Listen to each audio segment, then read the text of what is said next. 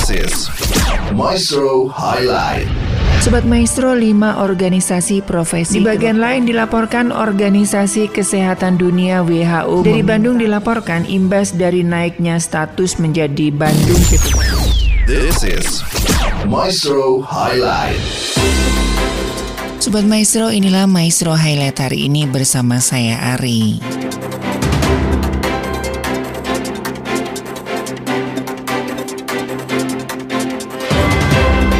Sobat Maestro, asisten pelatih tim nasional Indonesia U20 Nova Afrianto mengatakan Sintayong telah menetapkan 23 pemain untuk Piala Asia U20 2023. Sin menetapkan 23 pemain tersebut setelah menjalani pertandingan terakhir turnamen mini di Stadion Utama Gelora Bung Karno Senayan Jakarta Selasa kemarin. Rencananya tim nasional Indonesia U20 akan bertolak ke Uzbekistan pada hari ini Jumat 24 Februari 2023. Lawan pertama Muhammad Ferrari dan kawan-kawan di kejuaraan ini adalah Irak pada 1 Maret. Tiga hari berselang tim nasional Indonesia U20 bertemu Suria. Sang tuan rumah Uzbekistan akan menjadi lawan terakhir yang akan dihadapi skuad Merah Putih pada fase grup tanggal 7 Maret 2023. Di bagian lain dilaporkan hasil penelitian mengungkap mengungkapkan setidaknya satu miliar orang dengan usia muda terancam kehilangan pendengaran. Menurut hasil penelitian yang diunggah melalui jurnal BMU Global Health, ancaman itu datang dari kebiasaan mereka mendengarkan audio dari telepon, musik, film, dan pertunjukan yang terlalu keras dan terlalu lama. Demikian diungkapkan Lauren Dillard yang juga merupakan konsultan WHO dan penstudi postdoktoral di Medical University of South California.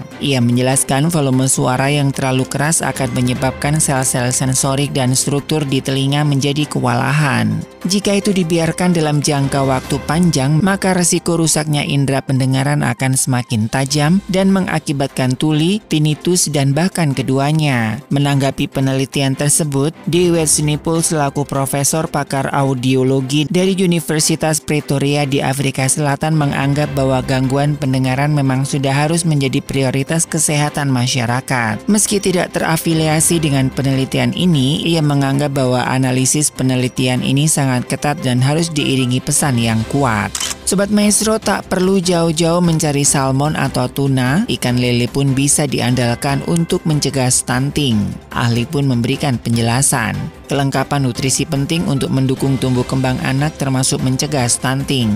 Orang tua sebenarnya tak harus membeli bahan pangan dengan harga selangit untuk mendapatkan manfaatnya. Ikan lele pun bisa melengkapi kebutuhan gizi anak. Dokter spesialis gizi Jualita Surapsari mengatakan bahwa ikan lele bisa membantu mencegah stunting karena kandungan proteinnya yang baik. Selain mudah didapat, harga ikan ini tidak terlalu mahal apalagi dibanding sumber protein hewani lain semisal daging sapi atau ayam. Akan tetapi ikan lele tidak bisa begitu saja menggantikan daging sapi untuk pencegahan stunting karena pada dasarnya tak ada satu jenis bahan makanan yang mengandung seluruh gizi yang diperlukan anak. Tak hanya lele, ada beberapa jenis ikan lokal lainnya yang bisa digunakan sebagai sumber protein seperti ikan kembung, ikan baung, ikan patin, tongkol, dan kakap. Semua jenis ikan ini bisa membantu orang tua dalam mendukung tumbuh kembang anak. Di bagian lain dilaporkan kuotie dinobatkan jadi jajanan pinggir jalan paling enak versi Taste Atlas. Kuotie merupakan variasi sajian pangsit khas China.